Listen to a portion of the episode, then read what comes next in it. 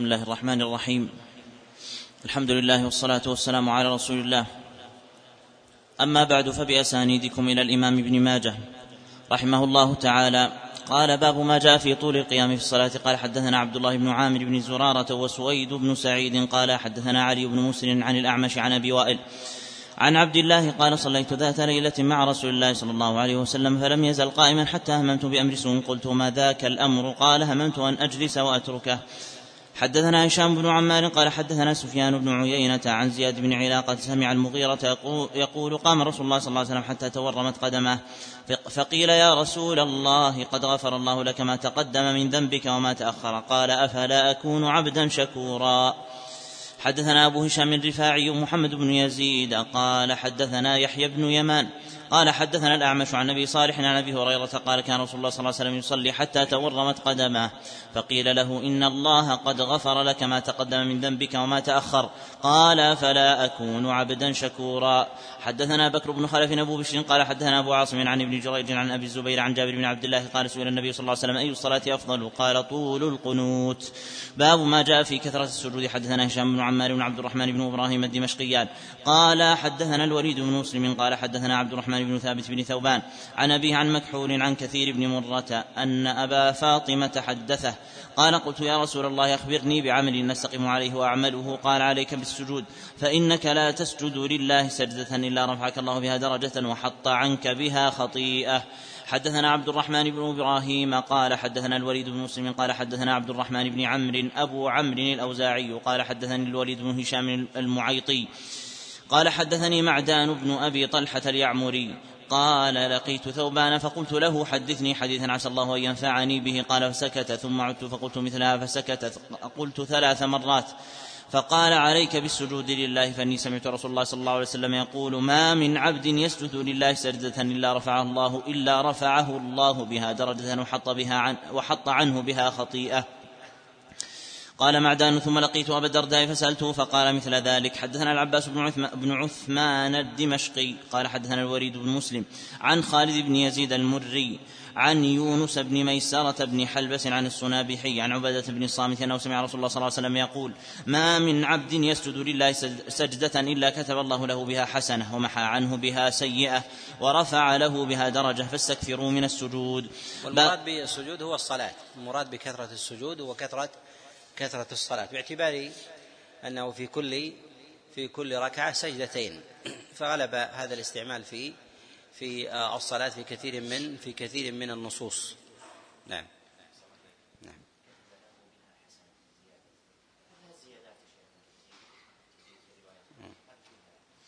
هذه يحتمل أن الراوي تركها من جهة الأصل باعتبار العلم بها واحتمال أنه ذكرها لاستقرار هذا المعنى أو من باب البيان ثم أثبتت في الحديث. وهذه تعرف بجمع بجمع الطرق. نعم. صلى الله عليك باب ما جاء في أول ما يحاسب به العبد الصلاة. حدثنا أبو بكر بن أبي شيبة ومحمد بن بشار قال حدثنا يزيد بن هارون عن سفيان بن حسين عن علي بن زيد عن أنس بن حكيم الضبي قال قال لي أبو هريرة إذا أتيت أهل مصرك فأخبرهم أني سمعت رسول الله صلى الله عليه وسلم يقول إن أول ما يحاسب به العبد المسلم يوم القيامة الصلاة المكتوبة فإن أتمها وإلا قيل انظروا هل له من تطوع فإن كان له تطوع أكملت الفريضة من تطوعه ثم يفعل بسائر الأعمال المفروضة مثل ذلك. حدثنا أحمد بن سعيد الدارمي. يقول أكملت الفرائض من النوافل. مراد بذلك النافلة النافلة للفريضة في وقتها. لا أن تكمل النافلة لفريضة لم تؤدى لأنه قد جاء من حديث أبي بكر أن الله عز وجل لا يقبل النافلة حتى تؤدى حتى تؤدى الفريضة. والمراد بالنافلة التي تكمل الفريضة تكمل فريضتها. فنافلة الظهر تكمل الظهر والمغرب تكمل المغرب وهكذا. لكن لو ترك المغرب وأدى النافلة ما قبلها الله عز وجل منه. لماذا؟ لأنها تبع تبع لي للفرض. نعم. صلى الله عليه حدثنا أحمد بن سعيد الدارمي قال حدثنا سليمان بن حرب قال حدثنا حماد بن سلمة عن داود بن أبي هند عن زرارة بن ابن أوفى عن تميم الداري عن النبي صلى الله عليه وسلم حاء. وحدثنا الحسن بن محمد بن الصباح قال حدثنا عفان قال حدثنا حماد قال أخبرنا حميد عن الحسن عن رجل عن أبي هريرة وداود بن أبي هند عن زرارة بن أوفى. عن تميم الداري عن النبي صلى الله عليه وسلم قال أول ما يحاسب به العبد يوم القيامة صلاته فإن أكملها كتبت له نافلة فإن لم يكن أكملها. قال الله سبحانه لملائكته انظروا هل تجدون لعبدي من تطوع فأكملوا بها ما ضيع من فريضته ثم تؤخذ الأعمال على حسب ذلك. باب ما جاء في صلاة النافلة حيث تصلى المكتوبة. حدثنا أبو بكر بن أبي شيبة قال حدثنا إسماعيل بن علية عن ليث عن حجاج بن عبيد عن إبراهيم بن إسماعيل عن أبي هريرة عن النبي صلى الله عليه وسلم قال يعجز أحدكم إذا صلى أن يتقدم أو يتأخر أو عن يمينه أو عن شماله يعني السبحة. حدثنا محمد بن يحيى قال حدثنا قتيبة قال حدثنا ابن وهب عن عن عثمان بن عطاء عن أبيه عن المغيرة بن شعبة أن رسول الله صلى الله عليه وسلم قال لا يصلي الإمام في مقامه الذي صلى فيه المكتوبة حتى يتنحى عنه. باب ما جاء في توطين المكان في المسجد يصلى فيه. حدثنا أبو بكر بن أبي شيبة قال حدثنا وكيع حاء وحدثنا أبو بشر بكر بن خلف قال حدثنا يحيى بن سعيد قال حدثنا عبد الحميد بن جعفر عن أبيه عن تميم بن محمود عن عبد الرحمن بن شبل قال نهى رسول الله صلى الله عليه وسلم عن ثلاث عن نقرة الغراب وعن فرشة السبع وأن يوطن الرجل المكان الذي يصلي فيه كما يوطن البعير. حدثنا يعقوب بن حميد بن كاسب قال حدثنا المغيرة بن عبد الرحمن المخزومي المخزومي عن عن يزيد بن أبي عبيد عن سلمة عن سلمة بن الأكوع رضي الله عنه أنه كان يأتي إلى سبحة الضحى فيعمد إلى الأسطوانة دون دون المصحف فيصلي قريبا منها فأقول له ألا تصلي ها هنا؟ دون المصحف. نعم. صلى عليك فأقول له ألا تصلي ها هنا وأشير إلى بعض نواحي المسجد? فيقول إني رأيت رسول الله صلى الله عليه وسلم يتحرى هذا المقام. باب ما جاء في, في أين توضع النعل إذا خلعت في الصلاة. حدثنا أبو بكر مكان في المسجد لا حرج فيه إذا لم يكن فيه في ضيق على المصلين. أن يتخذ الإنسان موضعا يصلي فيه نافلة أو يقوم فيه من الليل كذلك أيضا في بيته يتخذ موضعا للصلاة يصلي يصلي فيه لا حرج في ذلك. أما التوطين الذي ويسمى بحجز مكان في المسجد فهذا فهذا منهي عنه. هذا منهي منهي منهي عنه. نعم. الله عليك حدثنا أبو بكر بن أبي شيبة قال حدثنا يحيى بن سعيد عن ابن جريج عن محمد بن عباد عن عبد الله بن سفيان عن عبد الله بن السائب قال رأيت رسول الله صلى الله عليه وسلم صلى يوم الفتح فجعلنا عليه عن يساره. حدثنا إسحاق بن إبراهيم عن حدثنا إسحاق بن إبراهيم بن حبيب ومحمد بن إسماعيل قال حدثنا عبد الرحمن المحاربي عن عبد الله بن سعيد بن أبي سعيد عن أبيه عن أبي هريرة رضي الله عنه قال قال رسول الله صلى الله عليه وسلم ألزمنا عليك قدميك فإن خلعتهما فاجعلهما بين رجليك ولا تجعلهما عن يمينك ولا عن يمين صاحبك ولا وراءك فتؤذي من خلفك. أبواب الجنائز باب ما جاء في عيادة المريض. حدثنا هناد بن السري قال حدثنا أبو الأحوص عن أبي إسحاق عن الحارث عن علي قال قال رسول الله صلى الله عليه وسلم للمسلم على المسلم ستة بالمعروف يسلم عليه إذا لقيه ويجيبه إذا دعاه ويشمته إذا عطس ويعوده إذا مرض ويتبع جنازته إذا مات ويحب له ما يحب لنفسه. حدثنا أبو بشر بكر بن خلف ومحمد بن بشار قال حدثنا يحيى بن سعيد قال حدثنا عبد الحميد بن جعفر عن أبيه عن حكيم بن أفلح عن ابن عن أبي مسعود عن النبي صلى الله عليه وسلم قال للمسلم على المسلم أربع خلال يشمته إذا عطس ويجيبه إذا دعاه ويشهده إذا مات ويعوده إذا مرض. حدثنا أبو بكر بن أبي شيبة قال حدثنا محمد بن بشر عن محمد عن محمد بن عمرو عن أبي سلمة عن أبي هريرة قال قال رسول الله صلى الله عليه وسلم خمس من حق المسلم على المسلم رد التحية وإجابة الدعوة وشهود الجنازة وعيادة المريض وتشميت العاطس إذا حمد الله. حدثنا محمد بن عبد الله الصنعاني قال حدثنا سفيان وقال سمعت محمد بن المنكدر يقول سمعت جابر بن عبد الله يقول قال سمعت محمد بن المنكدر. لا محمد بن عبد الله ولا عبد الأعلى؟ الأقرب محمد بن عبد الأعلى. هذا الأقرب. محمد بن عبد الله؟ بن عبد الأعلى. عبد الأعلى. صلى الله عليك. نعم. عندك؟ هذا صحيح. نعم. صلى الله عليكم حدثنا محمد بن عبد الله الصنعاني وقال حدثنا سفيان قال سمعت محمد محمد بن عبد الأعلى. نعم. الصنعاني. حدثنا محمد بن عبد الأعلى الصنعاني قال حدثنا سفيان قال سمعت محمد بن المنكدر يقول سمعت جابر بن عبد الله يقول عادني رسول الله صلى الله عليه وسلم ماشيا وأبو بكر وأنا في بني سلمة. حدثنا هشام بن عمار قال حدثنا مسلمة بن علي قال حدثنا ابن جريج عن حميد الطويل عن أنس بن مالك قال كان النبي صلى الله عليه وسلم لا يعود مريضا إلا بعد ثلاث حدثنا أبو بكر بن أبي شيبة قال حدثنا عقبة بن خالد السكوني عن موسى بن محمد بن إبراهيم التيمي عن أبيه عن أبي سعيد الخدري قال قال رسول الله صلى الله عليه وسلم إذا دخلتم على المريض فنفسوا له في الأجل فإن ذلك لا يرد شيئا وهو يطيب نفس المريض. حدثنا الحسن بن علي الخلال قال حدثنا صفوان بن هبيرة قال حدثنا أبو مكين عن عكرمة عن ابن عباس أن النبي صلى الله عليه وسلم عاد رجلا قال ما تشتهي؟ قال أشتهي خبز بر. قال النبي صلى الله عليه وسلم من كان عنده خبز بر فليبعث إلى أخيه. ثم قال النبي صلى الله عليه وسلم إذا اشتهى مريض أحدكم شيئا فليطعمه حدثنا سفيان بن وكيع قال حدثنا أبو يحيى الحماني الحماني عن الأعمش عن يزيد الرقاشي عن أنس بن مالك قال دخل النبي صلى الله عليه وسلم على مريض يعوده فقال تشتهي شيئا تشتهي كعكا. قال نعم فطلبوا له. حدثنا جعفر بن مسافر قال حدثني كثير بن هشام قال حدثنا جعفر بن برقان عن ميمون بن مهران عن عمر بن الخطاب قال قال لي رسول الله صلى الله عليه وسلم إذا دخلت على مريض فمره أن يدعو لك فإن, فإن دعاءه كدعاء الملائكة. باب ما جاء في ثواب من عاد مريضا. حدثنا عثمان بن أبي شيبة قال حدثنا أبو معاوية قال حدثنا الأعمش عن الحكم عن عبد الرحمن بن أبي ليلى عن علي قال لا يثبت في تخصيص المريض بقبول دعائه شيء. ولكن هو يدخل في دائرة المضطر. يدخل في دائرة المضطرين. نعم.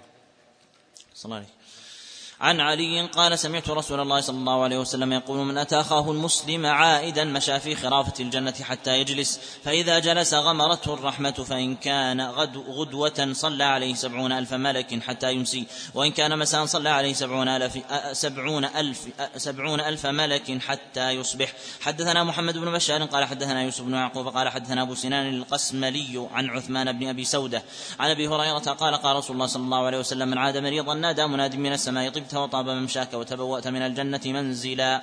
باب ما جاء في تلقين الميت. لا إله إلا الله. حدثنا أبو بكر بن أبي شيبة قال حدثنا أبو خالد الأحمر عن يزيد بن كيسان عن أبي حازم عن أبي هريرة قال قال رسول الله صلى الله عليه وسلم لقنوا موتاكم. لا إله إلا الله. حدثنا محمد بن يحيى قال حدثنا عبد الرحمن بن مهدي عن سليمان بن بن بلال عن عن عمارة بن غزية.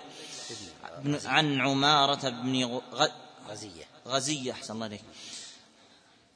عن عمارة بن غزية عن عن يحيى بن عمارة عن أبي سعيد الخدري رضي الله عنه قال قال رسول الله صلى الله عليه وسلم لقنوا موتاكم لا إله إلا الله. حدثنا محمد بن بشار قال حدثنا أبو عامر قال حدثنا كثير بن زيد عن إسحاق بن عبد الله بن جعفر عن أبيه قال قال رسول الله صلى الله عليه وسلم لقنوا موتاكم لا إله إلا الله الحليم الكريم. سبحان الله رب العرش العظيم. الحمد لله رب العالمين. قالوا يا رسول الله كيف للأحياء؟ قال أجود وأجود. باب ما جاء فيما يقال عند المريض إذا حضر. حدثنا أبو حدثنا أبو بكر بن أبي شيبة وعلي بن محمد قال حدثنا أبو معاوية عن الأعمش عن شقيق عن أم سلمة قالت قال رسول الله صلى الله عليه وسلم إذا حضرتم المريض أو الميت فقولوا خيرا فإن الملائكة يؤمنون على ما تقولون. فلما مات أبو سلمة آتيت النبي صلى الله عليه وسلم فقلت يا رسول الله إن أبا سلمة قد مات قال قول اللهم اغفر لي وله وأعقبني منه عقبى حسنة. قالت ففعلت فأعقبني الله من هو خير منه محمد صلى الله عليه وسلم. حدثنا أبو بكر بن أبي شيبة قال حدثنا علي بن الحسن بن شقيق عن ابن المبارك عن سليمان التيمي عن ابي عثمان وليس بالنهدي عن أبيه. عن معقل بن يسار قال قال رسول الله صلى الله عليه وسلم اقرؤوها عند موتاكم يعني ياسين. حدثنا محمد بن يحيى قال حدثنا يزيد بن يزيد بن هارون. حاول حدثنا محمد بن إسماعيل قال حدثنا المحاربي جميعا عن محمد بن إسحاق عن الحارث بن الفضيل عن عن الزهري عن عبد الرحمن بن كعب بن ولا يثبت في فضل سورة ياسين خبر. كل الحديث في فضلها مطلقا أو الأحكام المتعلقة بها ضعيفة عن عبد الرحمن بن كعب بن مالك عن أبيه قال لما حضرت كعبا الوفاة وتته أم بشر, أم بشر أم بشر بنت البراء بن معرور فقالت يا أبا عبد الرحمن إن لقيت فلانا فاقرأ عليه مني السلام. قال غفر الله لك يا أم بشر. نحن أشغل من ذلك. قالت يا أبا عبد الرحمن أما سمعت رسول الله صلى الله عليه وسلم يقول إن أرواح المؤمنين في طير خضر تعلق بشجر الجنة. قال بلى. قالت فهو ذاك. حدثنا أحمد بن الأزهر قال حدثنا محمد بن عيسى قال حدثنا يوسف بن, يوسف بن الماجشون. قال حدثنا محمد بن منكدر قال دخلت على جابر بن عبد الله وهو يموت فقلت اقرأ على رسول الله صلى الله عليه وسلم السلام. باب ما جاء في المؤمن يؤجر في النزع. حدثنا هشام بن عمار قال حدثنا الوليد بن مسلم قال حدثنا الأوزاعي عن عطاء عن عائشة النبي صلى الله عليه وسلم دخل عليها وعندها حميم لها يخنقه الموت. فلما رأى النبي صلى الله عليه وسلم ما بها قال لها لا تبتئسي على حميمك فإن, فإن ذلك من حسناته. حدثنا بكر بن خلف أبو بشر قال حدثنا يحيى بن سعيد عن المثنى بن سعيد عن قتادة عن ابن بريدة عن أبيه أن النبي صلى الله عليه وسلم قال المؤمن يموت بعرق الجبين. حدثنا روح بن الفرج قال حدثنا نصر بن حماد قال حدثنا موسى بن كردم عن عن محمد بن قيس عن أبي بردة عن أبي موسى قال سألت رسول الله صلى الله عليه وسلم متى تنقطع معرفة العبد من الناس؟ قال إذا عاين. باب ما جاء في تغميض الميت. حدثنا إسماعيل بن أسد قال حدثنا معاوية بن عمرو قال حدثنا أبو إسحاق الفزاري عن خالد الحذاء عن أبي قلابة عن قبيصة عن قبيصة بن ذؤيب عن أم سلمة قالت دخل رسول الله صلى الله عليه وسلم على أبي سلمة وقد شق بصره فأغمضه ثم قال إن الروح إذا قبض تبعه البصر.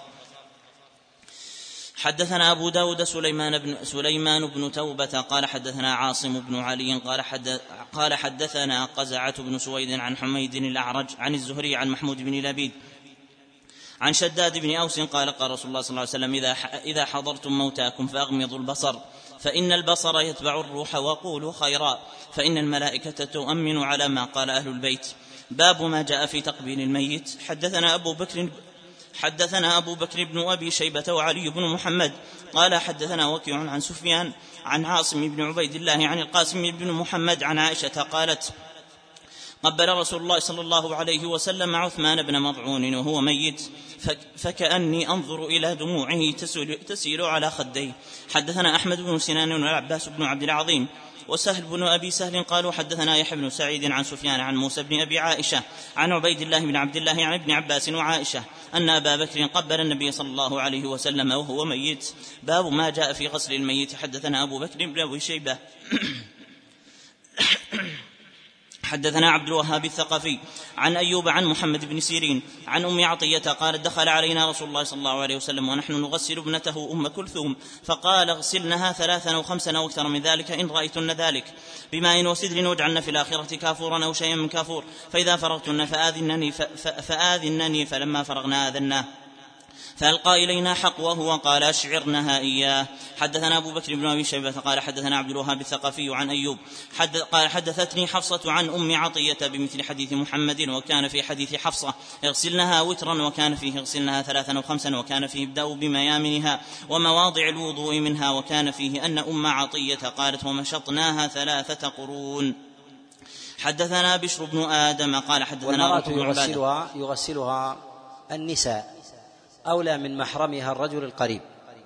أولى من محرمها الرجل القريب. حدثنا بشر بن آدم قال حدثنا روح بن عبادة عن ابن جريج عن حبيب بن أبي ثابت عن عاصم بن ضمرة عن علي قال قال لي النبي صلى الله عليه وسلم لا تبرز فخذك ولا تنظر إلى فخذ حي ولا ميت. حدثنا محمد بن مصفى الحمصي قال حدثنا بقية بن الوليد عن مبشر بن عبيد عن زيد بن أسلم عن عبد الله بن عمر قال قال رسول الله صلى الله عليه وسلم ليغسل موتاكم المأمونون. حدثنا علي بن محمد قال حدثنا عبد الرحمن المحاربي قال حدثنا عباد بن كثير عن عمرو بن خالد عن حبيب بن أبي ثابت عن عاصم بن ضمرة عن علي قال قال رسول الله صلى الله عليه وسلم من غسل ميتا وكفنه وحنطه وحمله وصلى عليه ولم يفش عليه ما رأى خرج من خطيئته به مثل يوم ولدته أمه.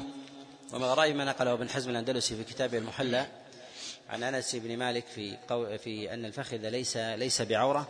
قال ولا مخالف له من الصحابة وهو وهو إجماعه. يعني أن الفخذ ليس ليس بعورة وهو ليس بوجيه. حدثنا محمد بن عبد الملك بن أبي الشوارب قال حدثنا عبد العزيز بن المختار عن سهيل بن أبي صالح عن أبي عن أبي هريرة قال قال رسول الله صلى الله عليه وسلم من غسل ميتا فليغتسل. باب ما جاء في غسل الرجل امرأته وغسل المرأة زوجها. حدثنا محمد بن يحيى قال حدثنا أحمد بن خالد الوهبي قال حدثنا محمد بن إسحاق عن يحيى بن عباد بن عبد الله بن الزبير عن أبيه عن عائشة قالت لو كنت استقبلت من أمري ما استدبرت ما غسل النبي صلى الله عليه وسلم غير نسائه. حدثنا محمد بن يحيى قال حدثنا أحمد بن حنبل قال حدثنا محمد بن سلمة عن محمد بن إسحاق عن يعقوب بن عتبة عن الزهري عن عبيد الله بن عبد الله عن عائشة قالت رجع رسول الله صلى الله عليه وسلم من البقيع فوجدني وأنا أجد صداعا في رأسي وأنا أقول ورأساه فقال بل أنا يا عائشة ورأساه ثم قال ما ضرك لو مت قبلي فقمت عليك فغسلتك وكفنتك وصليت عليك ودفنتك. باب ما جاء في غسل النبي صلى الله عليه وسلم. حدثنا سعيد بن يحيى حدثنا سعيد بن يحيى بن الأزهر الواسطي. قال حدثنا أبو معاوية قال حدثنا أبو بردة. عن علقمة بن مرثد عن ابن بريدة عن أبيه قال لما أخذوا في غسل النبي صلى الله عليه وسلم ناداهم مناد من الداخل لا تنزعوا عن رسول الله صلى الله عليه وسلم قميصه. حدثنا يحيى بن خذام قال حدثنا صفوان بن عيسى أخبرنا مع قال أخبرنا معمر عن الزهري عن سعيد بن المسيب عن علي بن أبي طالب قال لما غسل النبي صلى الله عليه لما غسل النبي صلى الله عليه وسلم ذهب يلتمس منه ما يلتمس من الميت فلم يجده فقال بأبي بأبي الطيب بأبي الطيب طبت حيا وطبت ميتا وطبت ميتا. حدثنا عباد بن يعقوب قال حدثنا الحسين بن زيد بن علي بن الحسين بن علي.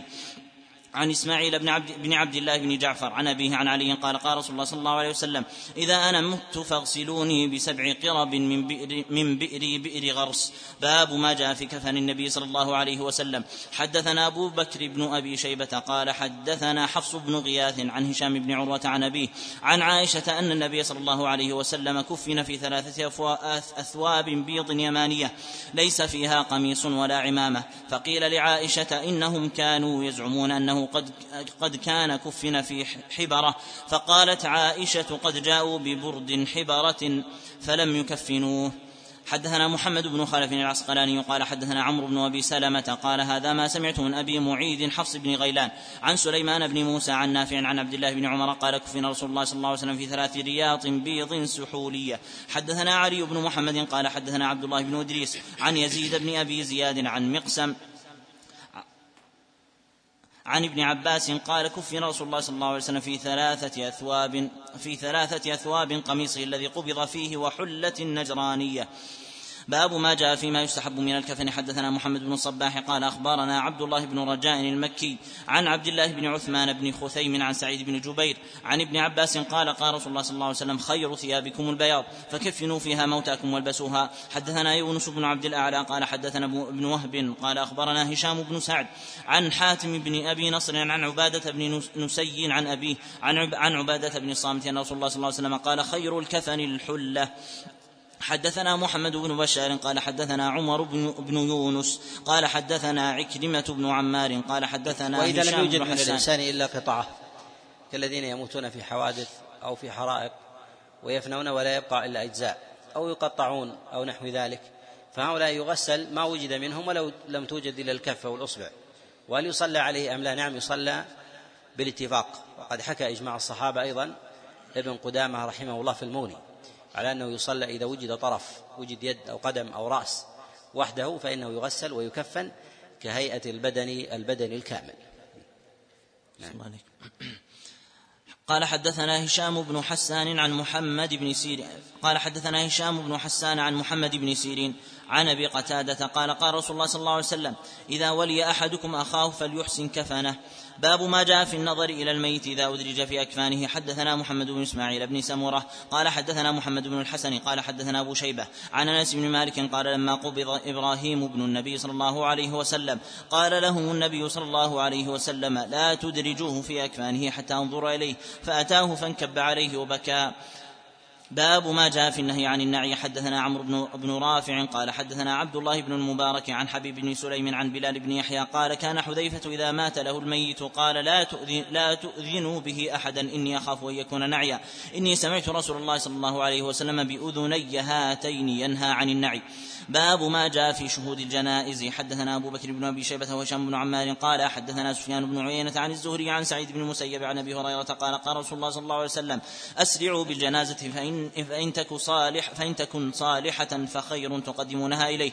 وإن تكن غير ذلك فشر تضعونه عن رقابكم. حدثنا حميد بن مسعدة قال حد حدثنا حميد بن مسعدة قال حدثنا حماد بن زيد عن منصور عن عبيد بن نسطاس عن أبي عبيدة قال قال عبد الله بن مسعود من رضي الله عنه من اتبع جنازة فليحمل بجوانب السرير كلها. فإنه من السنة ثم إن شاء فليتطوع وإن شاء فليدع. حدثنا محمد بن عبيد بن عقيل قال حدثنا بشر بن ثابت قال حدثنا شعبة عن ليث عن أبي بردة عن أبي موسى عن النبي صلى الله عليه وسلم أنه رأى جنازة يسرعون بها. قال لتكن عليكم السكينة. حدثنا كثير بن عبيد الحمصي قال حدثنا بقية بن الوليد عن أبي بكر بن أبي مريم عن راشد بن سعد عن ثوبان مولى رسول الله صلى الله عليه وسلم قال رأى رسول الله صلى الله عليه وسلم ناسا ركبانا على دوابهم في جنازة فقال لا تستحي تستحيون أن الله أن أن ملائكة الله يمشون على أقدامهم وأنتم ركبان. حدثنا محمد بن بشار قال حدثنا روح بن عبادة قال حدثنا سعيد بن عبيد الله بن جبير بن حية قال حدثنا زياد بن جبير بن حية قال حدثنا زياد قال حدثني زياد بن جبير بن حية قال سمع عن مغيرة بن شعبة يقول سمعت رسول الله صلى الله عليه وسلم يقول الراكب خلف الجنازة والماشي منها حيث شاء باب ما جاء في المشي أمام الجنازة أمام الجنازة. حدثنا علي بن محمد وهشام بن عمار وسهل بن أبي سهل. قالوا حدثنا سفيان عن الزهري عن سالم عن أبيه قال رأيت النبي صلى الله عليه وسلم وأبا بكر وعمر يمشون أمام الجنازة أو أمام الجنازة. حدثنا نصر بن علي الجهضمي وهارون بن عبد الله الحمال. قال حدثنا محمد بن بكر البرساني وقال قال أخبرنا يونس بن يزيد الأيلي. عن الزهري عن أنس بن مالك قال كان رسول الله صلى الله عليه وسلم وأبو بكر وعمر وعثمان يمشون أمام الجنازة. حدثنا أحمد بن عبدة قال أخبرنا عبد الواحد بن زياد عن يحيى بن عبد الله التيمي عن أبي ماج عن أبي ماجده الحنفي عن عبد الله بن مسعود قال قال رسول الله صلى الله عليه وسلم الجنازة متبوعة وليست بتابعة ليس معها من تقدمها. باب ما جاء في النهي عن التس عن التسلب عن التسلب مع الجنازة. حدثنا أحمد بن عبدة قال أخبرني عمرو بن, بن النعمان قال حدثنا علي بن الحزو قال حدثنا قال حدثنا علي بن الحزور عن نفيع عن عمران بن حسين وأبي برزة قال خرجنا مع رسول الله صلى الله عليه وسلم في جن في جنازة فرأى قوما قد طرحوا ارديتهم يمشون في قمص. فقال رسول الله صلى الله عليه وسلم افا أب في أب فعل أب فعل الجاهلية تأخذون أو بصنيع الجاهلية تشبهون. لقد هممت أن أدعو عليكم دعوة ترجعون في غير صوركم. قال فأخذوا أرديتهم ولم يعودوا لذلك. باب ما جاء في الجنازة. لا تؤخر إذا حضرت ولا تتبع بنار. حدثنا حرملة بن يحيى قال حدثنا عبد الله بن وهب قال أخبرني سعيد بن عبد الله الجهني أن محمد بن أن محمد بن عمر بن علي بن أبي طالب حدثه عن أبيه عن جده علي بن أبي طالب رضي الله عنه أن رسول الله صلى الله عليه وسلم قال لا تؤخر الجنازة إذا حضرت. حدثنا محمد بن عبد الأعلى الصنعاني. قال أخبرنا معتمر بن سليمان. قال قرأت على الفضيل بن ميسرة عن أبي حريز. هذا محمد بن عبد الأعلى الذي تقدم معنا. نعم. مصحف كان محمد بن عبد الله. نعم. عليكم. أن أبا عن أبي حريز أن أبا بردة حدثه قال أوصى أبو موسى الأشعري حين حضره الموت فقال لا تتبعوني بمجمر قالوا له أو سمعت فيه شيئا؟ قال نعم من رسول الله صلى الله عليه وسلم. باب ما جاء في من صلى عليه جماعة من المسلمين. حدثنا أبو بكر بن أبي شيبة قال حدثنا عبيد الله قال أخبرنا شيبان عن الأعمش عن أبي صالح عن أبي هريرة عن النبي صلى الله عليه وسلم قال من صلى عليه مئة من المسلمين غفر له. حدثنا إبراهيم بن المنذر الحزامي قال حدثنا بكر بن قال حدثني قال حدثني حميد بن زياد الخراط عن شريك عن عن, عن كريب مولى عبد الله بن عباس. قال هلك هلك ابن لعبد الله بن عباس لعبد الله بن عباس فقال لي يا كريب قم فانظر هل اجتمع لابني أحد؟ فقلت نعم. فقال ويحك كم تراهم أربعين؟ قلت لا. قال بل هم أكثر قلت لا بل هم أكثر. قال فاخرجوا بابني فأشهد لسمعت رسول الله صلى الله عليه وسلم يقول ما من أربعين من مؤمن يستغفرون لمؤمن إلا شفعهم الله. حدثنا أبو بكر بن أبي شيبة وعلي بن محمد قال حدثنا عبد الله بن الناس نمير. وأولى الناس في الصلاة على الميت هو الذي أوصى أوصى به وأولى من الإمام الراتب. و بعض الأئمة يحكي عدم الخلاف كما حكاه ابن قدامة أيضا في المغني. يقول ولا يختلف الصحابة عليهم رضوان الله في أن أولى الناس بالصلاة على الميت الموصى الموصى به.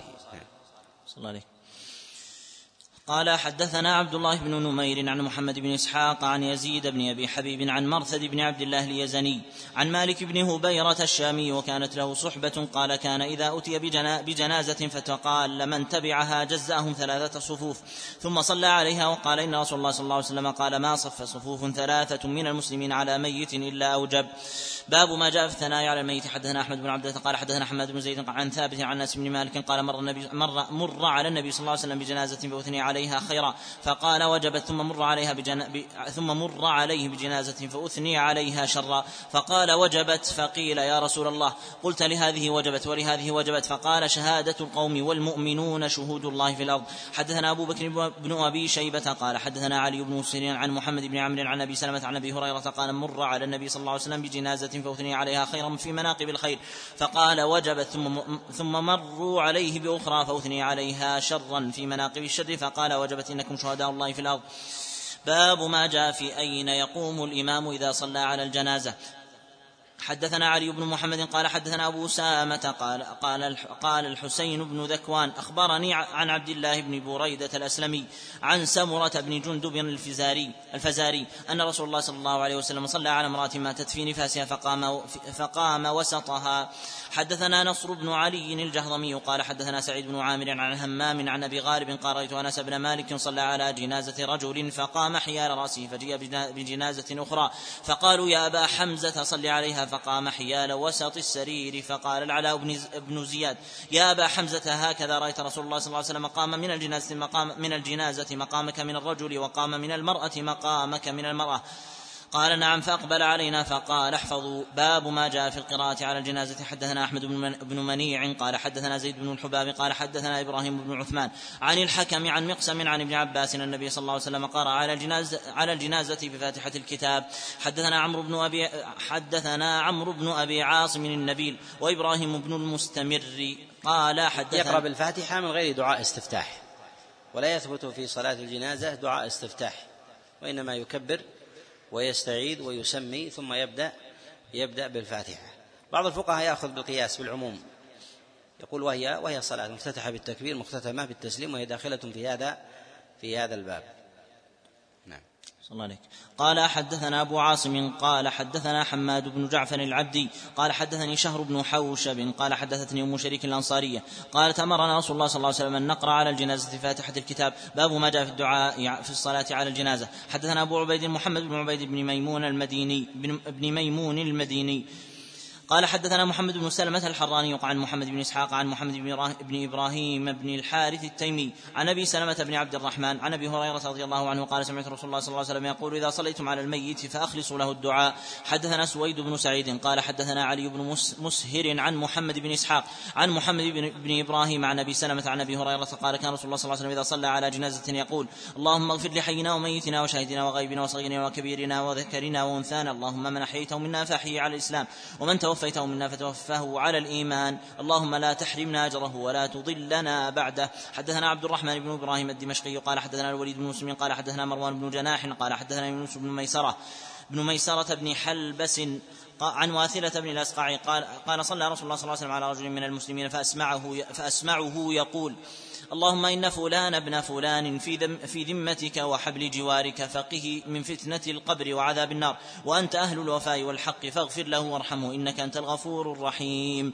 حدثنا حدثنا يحيى بن حكيم قال حدثنا أبو داود الطيالسي قال حدثنا فرج بن الفضالة قال حدثني عصمة بن راشد عن حبيب بن عبيد عن عوف بن مالك قال شهدت رسول الله صلى الله عليه وسلم صلى على رجل من الأنصار وسمعته يقول اللهم صل عليه واغفر له وارحمه وعافه واعف عنه واغسله بماء وثلج وبرد ونقه من الذنوب والخطايا كما ينقى الثوب الأب كما ينقى الثوب الأبيض من الدنس وابدله بداره خيرا من داره وأهلا خيرا من أهله وقه فتنة القبر وعذاب وعذاب النار.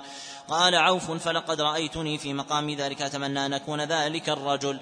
حدثنا عبد الله بن سعيد قال حدثنا حفص بن غياث عن حجاج عن أبي الزبير عن جابر قال ما أباح لنا رسول الله صلى الله عليه وسلم ولا أبو بكر ولا عمر في شيء ما أباحوا في الصلاة على الميت.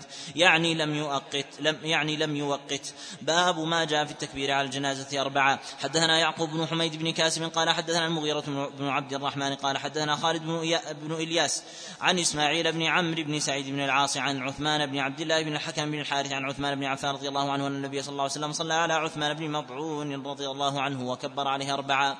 حدثنا علي بن محمد قال حدثنا عبد الرحمن المحاربي قال حدثنا الهجري قال صليت مع عبد الله بن أبي اوفى الأسلمي صاحب رسول الله صلى الله عليه وسلم على جنازة ابنة له فكبر عليها أربعة. فمكث بعد الرابعة شيئا قال فسمعت القوم يسبحون به من نواحي الصفوف. فسلم ثم قال أكنتم ترون أني مكبر خمسا قالوا تخوفنا ذلك. قال لم أكن لأفعل. ولكن رسول الله صلى الله عليه وسلم كان يكبر اربعا ثم يمكث ساعة فيقول ما شاء الله. ويقول ثم يسلم. حدثنا أبو هشام الرفاعي ومحمد بن الصباح وأبو بكر بن خلاد قالوا حدثنا يحيى بن, بن اليمان عن المنهار بن خليفة عن حجاج عن عطاء عن ابن عباس رضي الله عنهما أن النبي صلى الله عليه وسلم كبر أربعة. وهذا الذي استقر عليه عمل الصحابة أربع تكبيرات. ولهذا قد روى ابن أبي شيبة في كتاب المصنف عن إبراهيم النخعي قال اختلف أصحاب رسول الله صلى الله عليه وسلم في التكبيرات على الجنازة ثم اتفقوا على الأربعة. يعني اتفق أمرهم و مال إليه العمل على أربع أربع تكبيرات. نعم. صلى الله عليه باب ما جاء في من كبر خمسة. حدثنا محمد بن بشار قال حدثنا محمد بن جعفر حد قال حدثنا شعبة حاء وحدثنا يحيى بن حكيم قال حدثنا ابن أبي عدي وأبو داود عن شعبة عن عمرو بن مرة عن عبد الرحمن بن أبي ليلى قال كان زيد بن أرقم يكبر على جنائزنا, جنائزنا أربعة وأنه كبر على جنازة خمسا فسألته فقال كان رسول الله صلى الله عليه وسلم يكبرها. حدثنا إبراهيم بن المنذر الحزامي قال حدثنا إبراهيم بن علي الرافعي قال قال حدثنا إبراهيم بن علي الرافعي عن كثير بن عبد الله عن أبيه عن جده أن رسول الله صلى الله عليه وسلم كبر خمسا باب ما جاء في الصلاة على الطفل. حدثنا محمد بن بشار قال حدثنا روح بن عبادة قال حدثنا سعيد بن عبيد الله بن جبير بن حية قال حدثني عمي زياد بن جبير قال حدثني أبي جبير بن حية أنه سمع المغيرة بن شعبة يقول سمعت رسول الله صلى الله عليه وسلم يقول الطفل يصلى عليه. حدثنا هشام بن عمان قال حدثنا الربيع بن بدر قال حدثنا أبو الزبير عن جابر بن عبد الله قال قال رسول الله صلى الله عليه وسلم إذا استهل الصبي صلي عليه وورث. حدثنا هشام بن عمار قال حدثنا البختري بن عبيد عن أبيه عن أبي هريرة قال قال النبي صلى الله عليه وسلم صلوا على أطفالكم فإنهم من أفراطكم. باب ما جاء صلى عليه إذا استهل صارخا ولا خلاف. ولكن لم يثبت عن النبي عليه الصلاة والسلام دعاء بنص معين وجاء في ذلك بعض الأحاديث المعلولة. وأمثل ما جاء في هذا جاء عن أبي هريرة وكذلك عن الحسن. اللهم اجعله سلفا وفرطا وذخرا. صلى الله عليك باب ما جاء في الصلاة على ابن رسول الله صلى الله عليه وسلم وذكر وفاته. حدثنا محمد بن عبد الله بن نمير قال حدثنا محمد بن بشر قال حدثنا إسماعيل بن أبي خالد قال قلت لعبد الله بن أبي أوفى رأيت إبراهيم ابن رسول الله صلى الله عليه وسلم قال مات وهو صغير ولو قضي أن يكون بعد محمد نبي لعاش ابنه ولكن لا نبي بعده. حدثنا عبد القدوس بن محمد قال حدثنا داود بن شبيب الباهلي قال حدثنا إبراهيم بن عثمان بن عثمان قال حدثنا الحكم بن عتي بن بن عتي بن عتيبة عن عن مقسم عن ابن عباس رضي الله عنهما قال لما مات إبراهيم بن رسول الله صلى الله عليه وسلم صلى عليه رسول الله صلى الله عليه وسلم وقال إن له مرضعا في الجنة ولو عاش لكان صديقا نبيا ولو عاش لعتقت أخواله القبط. وما استرق قبطي وما استرق قبطي. حدثنا عبد الله بن حدثنا عبد الله بن عمران قال حدثنا أبو داود قال حدثنا هشام بن ولحكمة الله عز وجل ان الله سبحانه وتعالى لم يبقي لرسوله صلى الله عليه وسلم ابنا حيا وهذا من رحمة الله عز وجل أيضا في الأمة. أن الله جل وعلا قد أبقى له من ذريته البنات. ولما أبقى من ذريته البنات جاء لهن الذكور فغلا فيها من من غلا وعبدوا من دون الله عز وجل. مع أن النسب يتصل إلى رسول الله صلى الله عليه وسلم من بناته. ومعلوم أن البنات وإن كن من الذرية ولهن الفضل إلا أن المعروف أنها دون مرتبة نسب الأبناء. ولهذا يقول الشاعر بنونا بنو أبنائنا وبناتنا بنوهن أبناء الرجال الأباعد. ومع ذلك انشق صف الأمة بتعظيم ذرية رسول الله صلى الله عليه وسلم من ابنته. فكيف لو كان له ولد؟ ما الأمر صائر إليه؟ ولهذا لله عز وجل في ذلك حكم ولطف. يأخذ من شيء و ويعطي ويهب أمرا أعظم أعظم منه لي لنبيه وللأمة. نعم. صلى الله عليك قال حدثنا هشام بن أبي الوليد عن أمه عن فاطمة بنت الحسين عن أبيها الحسين بن علي رضي الله عنهما قال لما توفي القاسم بن رسول الله صلى الله عليه وسلم قالت خديجة يا رسول الله درت لبينة القاسم فلو كان الله أبقاه حتى يستكمل رضاعه فقال رسول الله صلى الله عليه وسلم إن تمام رضاعه في الجنة قالت لو أعلم ذلك يا رسول الله يا رسول الله لهون علي أمره فقال رسول الله صلى الله عليه وسلم إن شئت دعوت الله تعالى فأسمعك صوته. قالت يا رسول الله بل صدق رسول بل صدق الله ورسوله. باب ما جاء في الصلاة على الشهداء ودفنهم. حدثنا محمد بن عبد الله بن نمير قال حدثنا أبو بكر بن عي... أبو بكر بن عياش عن يزيد بن أبي زياد عن مقسم عن ابن عباس قال أتي بهم رسول الله صلى الله عليه وسلم يوم أحد فجعل يصلي على عشرة عشرة وحمزة هو كما هو يرفعون يرف يرفعون وهو كما هو موضوع. حدثنا محمد بن رمح قال أخبرنا الليث بن سعد عن ابن شهاب عن عبد الرحمن بن كعب بن مالك عن جابر بن عبد الله رضي الله عنهما رسول الله صلى الله عليه وسلم كان يجمع بين الرجلين والثلاثة من قتلى أحد في ثوب واحد. ثم يقول أيهم أكثر أخذا للقرآن فإذا أشير له إلى أحدهم قدمه في اللحد وقال أنا شهيد على هؤلاء. وأمر بدفنهم في دمائهم ولم يصلي عليهم ولم يغس ولم يصلي ولم يصلي عليهم ولم يغسلوا. وهذا خاص بشهداء بشهداء المعركة. بخلاف الذين يأخذون أجر الشهيد من الغريق والحريق والمبطون وكذلك أيضا ميت الهدم كذلك أيضا الجريح من المعركة الذي قفل إلى أهله ومات ومات عنده فأصل جراحته في الغزو. يرجى له الأجر الشهادة لكن يكون لا يكون أو لا يأخذ أحكام الشهيد من جهة التغسيل وكذلك أيضا الصلاة. صلى الله عليه حدثنا محمد بن زياد قال حدثنا علي بن عاصم عن عطاء بن السائب عن سعيد بن جبير عن ابن عباس أن رسول الله صلى الله عليه وسلم أمر بقتل أحد أن ينزع عنهم الحديد والجلود وأن يدفنوا في ثيابهم بدمائهم. حدثنا هشام بن عمار وسهل بن أبي سهل قال حدثنا سفيان بن عيينة عن الأسود بن قيس سمع نبيحا العنزي يقول سمعت جابر بن عبد الله يقول إن رسول الله صلى الله عليه وسلم أمر بقتل أحد أن يردوا إلى مصارعهم وكانوا نقلوا إلى المدينة. باب باب ما جاء في الصلاة على الجنائز في المسجد. حدثنا علي بن محمد قال حدثنا وكيع عن ابن أبي ذئب عن صالح مولى التوأمة. عن أبي هريرة قال قال رسول الله صلى الله عليه وسلم من صلى على جنازة في المسجد فليس له شيء. حدثنا أبو بكر بن أبي شيبة قال حدثنا يونس بن محمد قال حدثنا فليح بن سليمان عن صالح بن عجلان عن عباد بن عن عباد بن عبد الله بن الزبير عن عائشة رضي الله عنها قالت والله ما صلى رسول الله صلى الله عليه وسلم على سهيل بن بيضاء إلا في المسجد. قال ابن ماجه حديث عائشة أقوى. باب ما جاء في الأوقات التي لا يصلى فيها على الميت ولا يدفن. حدثنا علي بن محمد قال حدثنا وكيع حاء وحدثنا عمرو بن رافع قال حدثنا عبد الله بن المبارك جميع جميعا عن موسى بن علي بن علي بن علي بن رباح. قال سمعت أبي يقول سمعت عقبة بن عامر الجهني يقول ثلاث ساعات كان رسول الله صلى الله عليه وسلم ينهانا نصلي فيهن أو نقبر فيهن موتانا. حين تطلع الشمس بازغة وحين يقوم قائم الظهيرة حتى تميل الشمس. وحين تضيف للغروب حتى تغرب. حدثنا محمد بن الصباح قال أخبرنا يحيى بن اليمان عن منهال بن خليفة عن عطاء عن ابن عباس أن رسول الله صلى الله عليه وسلم أدخل رجلا قبره ليلا وأسرج في قبره.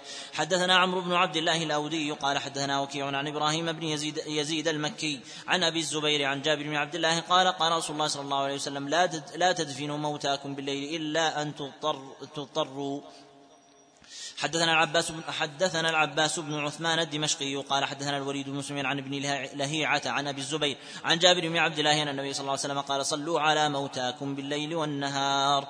باب في الصلاة على أهل القبلة. حدثنا أبو بشر بكر بن خلف قال حدثنا يحيى بن سعيد عن عبيد الله عن نافع عن ابن عمر قال لما توفي عبد الله بن أبي جاء ابنه إلى النبي صلى الله عليه وسلم فقال يا رسول الله أعطني قميصك أو كفنه فيه. فقال رسول الله صلى الله عليه وسلم آذنوني به. فلما أراد النبي صلى الله عليه وسلم أن يصلي عليه قال له عمر بن الخطاب ما ذاك لك فصلى عليه النبي صلى الله عليه وسلم فقال له النبي صلى الله عليه وسلم أنا أنا بين خيرتين استغفر لهم أو لا تستغفر لهم فأنزل الله سبحانه ولا تصلي على أحد منهم مات أبدا ولا تقم على قبره. حدثنا عمار بن خالد الواسطي وسهل بن أبي سهل قال حدثنا يحيى بن سعيد عن مجاهد عن عامر عن جابر عن عن جابر رضي الله عنه هذا إشارة إلى أن من ظهر شره وظهر ظلمه فإنه لا يصلى عليه. لا يصلي عليه أهل القدوة والإمامة والصلاح تأديبا تأديبا لأمثاله وزجرا وزجرا لسلوك طريقته. وهذا من نظر فيه وجد أنه عليه أيضا عمل السالفين عمل السالفين وقد حكي أيضا اتفاق عمل الصحابة على هذا قد حكاه الكاساني رحمه الله. نعم. صلى الله عليكم. عن جابر رضي الله عنه قال مات رسول المنافقين بالمدينة وأوصى أن يصلي عليه النبي صلى الله عليه وسلم ويكفنه في قميصه فصلى عليه وكفنه في قميصه وقام على قبره فأنزل الله ولا تصل على أحد منهم مات أبدا ولا تقم على قبره. حدثنا أحمد بن يوسف السلمي قال حدثنا مسلم بن إبراهيم قال حدثنا الحارث بن نبهان قال حدثنا عتبة بن يقظان عن أبي سعيد عن مكحول عن واثلة بن الأصقع رضي الله عنه قال قال رسول الله صلى الله عليه وسلم صلوا على كل ميت وجاهدوا مع كل أمير. حدثنا عبد الله بن عامر بن زرار عمارة. قال حدثنا شريك شريك بن عبد الله عن سماك بن حرب عن جابر بن سمرة رضي الله عنه أن رجلا من أصحاب النبي صلى الله عليه وسلم جرح فآذته الجراحة فدب إلى مشاقص فذبح بها نفسه فلم يصلي عليه النبي صلى الله عليه وسلم. قال وكان ذلك منه أدبا.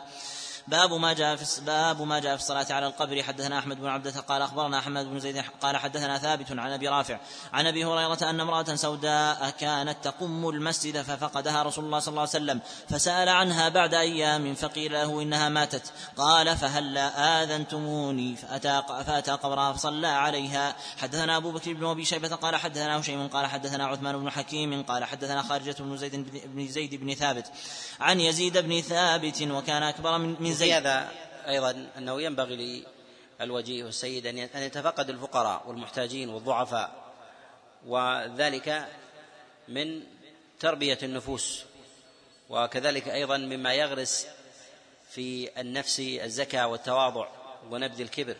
ولهذا ترجم البخاري رحمه الله في كتابه الصحيح يقول باب باب الكبر وأورد في حديث أنس بن مالك أن النبي صلى الله عليه وسلم كانت الأمة من إمام المدينة تأخذ بيد النبي عليه الصلاة والسلام حيث شاءت. وهذا إشارة منه إلى أن مثل هذا الأمر إشارة إلى التواضع. تواضع رسول الله صلى الله عليه وسلم بالعناية والسؤال عن الفقراء والمحتاجين والضعفاء وكذلك أيضا أهل الضعف من من الناس. نعم. صلى الله عليكم. قال خرجنا مع النبي صلى الله عليه وسلم فلما ورد البقيع فإذا هو بقبر, بقبر جديد فسأل عنه فقالوا فلانة. قال فعرفها وقال ألا آذنتم ألا آذنتموني بها؟ قالوا كنت قائلا صائما فكرهنا أن نؤذيك. قال فلا تفعلوا. لا أعرفن ما مات منكم ميت ما كنت بين أظهركم إلا آذنتموني به فإن صلاتي عليه له رحمة. ثم أتى القبر فصف فصفنا خلفه فكبر عليه أربعا حدثنا يعقوب بن حميد بن كاسب قال حدثنا عبد العزيز بن محمد الدراوردي عن محمد بن زيد بن المهاجر بن قنفذ عن عبد الله بن عامر بن ربيعة عن أبيه أن امرأة سوداء ماتت ولم يؤذن بها ولم يؤذن يؤذن بها النبي صلى الله عليه وسلم فأخبر بذلك فقال هل لا أذنتموني بها؟ ثم قال لأصحابه صفوا عليها فصلى عليها. حدثنا علي بن محمد قال حدثنا أبو معاوية عن أبي إسحاق الشيباني عن الشعبي قال عن ابن عباس رضي الله عنهما قال مات رجل وكان رسول الله صلى الله عليه وسلم يعوده فدفنوه بالليل فلما أصبح علموا فقال ما منعكم أن تعلموني؟ قالوا كان الليل وكانت الظلمة فكرهنا أن نشق عليك فأتى قبره فصلى عليه. حدثنا العباس بن عبد العظيم العنبري ومحمد بن يحيى قال حدثنا أحمد بن حنبل قال حدثنا حدثنا غندر عن شعبة عن حبيب بن الشهيد عن ثابت عن أنس أن النبي صلى الله عليه وسلم صلى على قبر بعدما قبر. حدثنا محمد بن حميد قال حدثنا مهران بن أبي عمر عن أبي سنان عن علقمة بن مرثد عن ابن بريدة عن أبيه أن النبي صلى الله عليه وسلم صلى على ميت في قول النبي عليه الصلاة والسلام ألا أذنتموني إشارة إلى أن الصلاة على الميت إن أمكن قبل الدفن فهي آكد وأنه ليس للإنسان أن يخير بين الصلاة قبل الدفن وبعده. ولهذا النبي عليه الصلاة والسلام لامهم في عدم إيذانه أي أن الأنسب أن تكون قبل قبل دفنه. وهذا يدل على التباين التباين بين الصلاة قبل الدفن وبعده. نعم. لا. صلى صلاة واحدة. يصلون الناس كل واحد يصلي.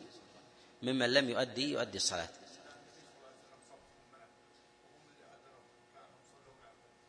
ليس بالضرورة أن جميع من صلى من كان معه صلى عليها. هذا لفظ عام. الأصل في صلاة الجنازة كالمواقيت. تؤدى تؤدى مرة واحدة. إلا لموجب كما النبي عليه الصلاة والسلام في صلاة البقيع. وهل النبي عليه الصلاة والسلام دعا أم صلى صلاة كاملة؟ يحتاج إلى إلى نظر. نعم. صلى الله عليكم. حدثنا أبو كريب قال حدثنا سعيد بن شرحبيل عن ابن عن ابن لهيعة عن عبيد الله بن المغيرة عن أبي الهيثم. عن أبي سعيد قال كانت سوداء تقوم المسجد فتوفيت ليلا فلما أصبح رسول الله صلى الله عليه وسلم أخبر بموتها فقال ألا ألا أذنتموني بها؟ فخرج بأصحابه فوقف على قبرها فكبر عليها والناس من خلفه ودعا لها ثم انصرف. باب ما جاء في الصلاة على النجاشي. حدثنا أبو بكر بن أبي شيبة قال حدثنا عبد الأعلى عن معمر عن الزهري عن سعيد بن المسيب عن أبي هريرة رضي الله عنه أن رسول الله صلى الله عليه وسلم قال إن النجاشي قد مات فخرج رسول الله صلى الله عليه وسلم وأصحابه إلى البقيع فصفنا خلفه وتقدم رسول الله صلى الله عليه وسلم فكبر أربع تكبيرات. حدثنا يحيى بن خلف ومحمد بن زياد قال حدثنا بشر بن المفضل حاء وحدثنا عمرو بن رافع قال حدثنا هشيم جميعا عن يونس عن أبي قلابة عن أبي المهلب. عن عمران بن الحصين أن رسول الله صلى الله عليه وسلم قال إن أخاكم النجاشي قد مات فصلوا عليه. قال فقام فصلينا خلفه وإني لفي, الصف لفي الصف الثاني فصلى عليه. حدثنا أبو بكر بن أبي شيبة قال حدثنا معاوية بن هشام قال حدثنا سفيان عن حمران بن أعين عن أبي الطفيل عن مجمع بن جارية الأنصاري أن رسول الله صلى الله عليه وسلم قال إن أخاكم النجاشي قد مات فقوموا فصلوا عليه فصفنا خلفه صفين. حدثنا محمد بن المثنى قال حدثنا عبد الرحمن بن مهدي عن عن المثنى بن سعيد عن قتادة عن أبي الطفيل عن حذيفة بن أسيد تقدم الكلام على على مسألة التكبيرات. أما بالنسبة للتسليم فهذا أيضا محل اتفاق عند عند الصحابة على أن التسليم تسليمة واحدة. إنما الخلاف الذي طرأ في هذه المسألة في التسليمة الثانية. والصحابة عليهم رضوان الله تعالى يتفقون على أن السنة واحدة وهي التي تتم بها الصلاة. وأما الثانية فهي الذي طرأ فيها طرأ فيها الخلاف.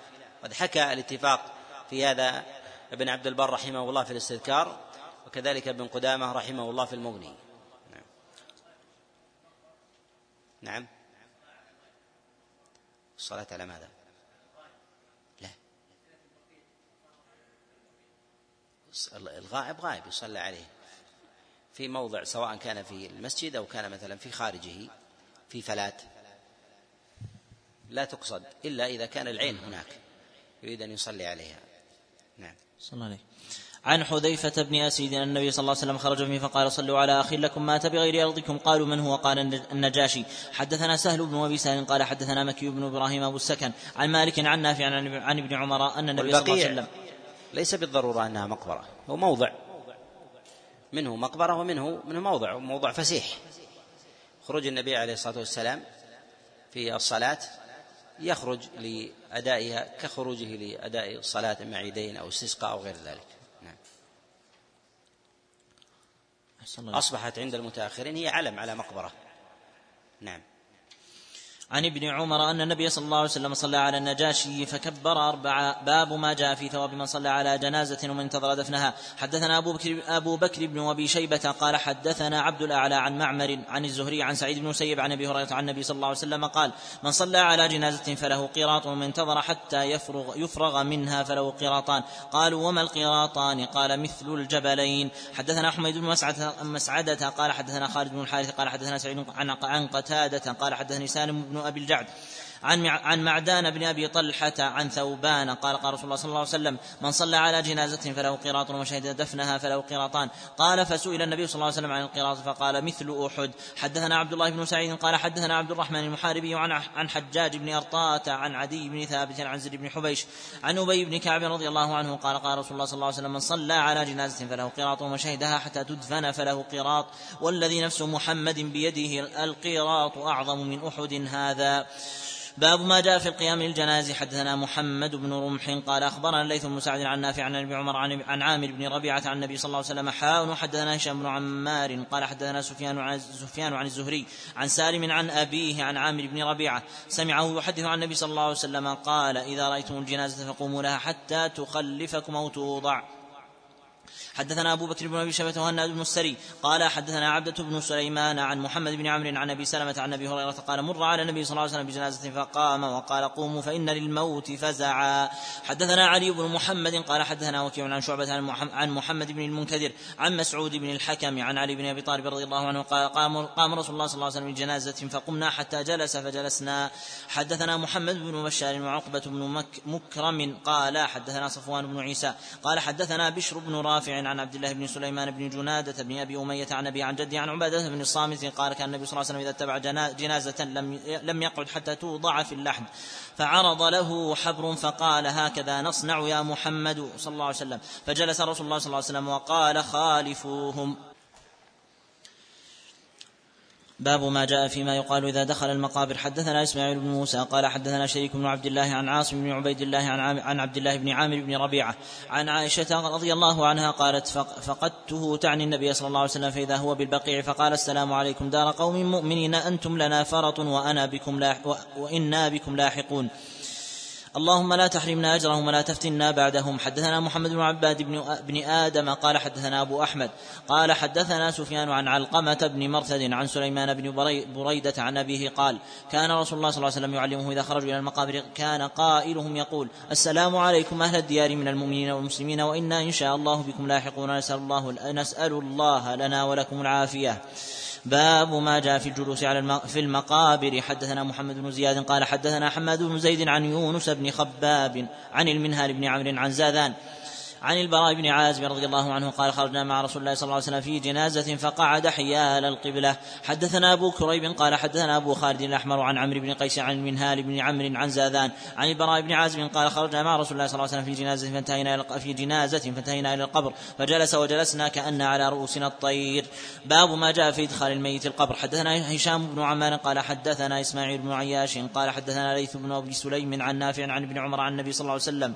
حاء. حدثنا عبد الله بن سعيد قال حدثنا أبو خالد الأحمر قال حدثنا الحجاج عن نافع عن ابن عمر قال كان النبي صلى الله عليه وسلم إذا أدخل الميت القبر قال بسم الله وعلى ملة رسول الله وقال أبو خالد مرة إذا وضع الميت في لحده قال بسم الله وعلى سنة رسول الله وقال هشام في حديثه بسم الله وفي سبيل الله وعلى ملة رسول الله حدثنا عبد الملك بن عبد حدثنا عبد الملك بن محمد الرقاشي قال حدثنا عبد العزيز بن الخطاب قال حدثنا مندل بن علي قال أخبرني عبيد الله بن أبي رافع عن داود بن الحسين عن أبيه عن أبي رافع قال سل رسول الله صلى الله عليه وسلم سعدا ورش على قبره ماء. حدثنا هارون بن إسحاق قال حدثنا محاربي عن عمرو بن قيس عن عطية.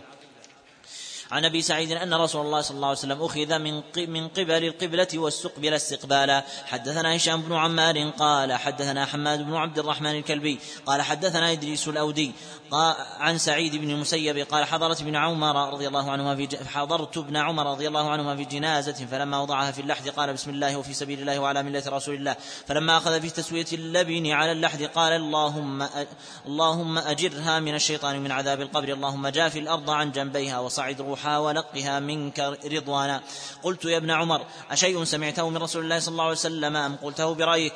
قال إني إذا لقادر على القول بل شيء سمعته من رسول الله الله صلى الله عليه وسلم. ولا باب تعذب ولا تعذب ولا يعذب الجسد إلا إلا وفيه الروح.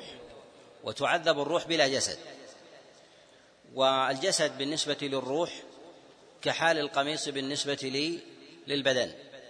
إذا نزع البدن من القميص فإنه لا يتأثر. وكذلك أيضا بالنسبة للروح مع الجسد. إذا نزعت الروح من الجسد فإنه لا يتأثر البدن بشيء. ولهذا الله سبحانه وتعالى ينزل عقابه وعذابه على الجسد والروح. وإذا أنزله على الجسد ففيها روح.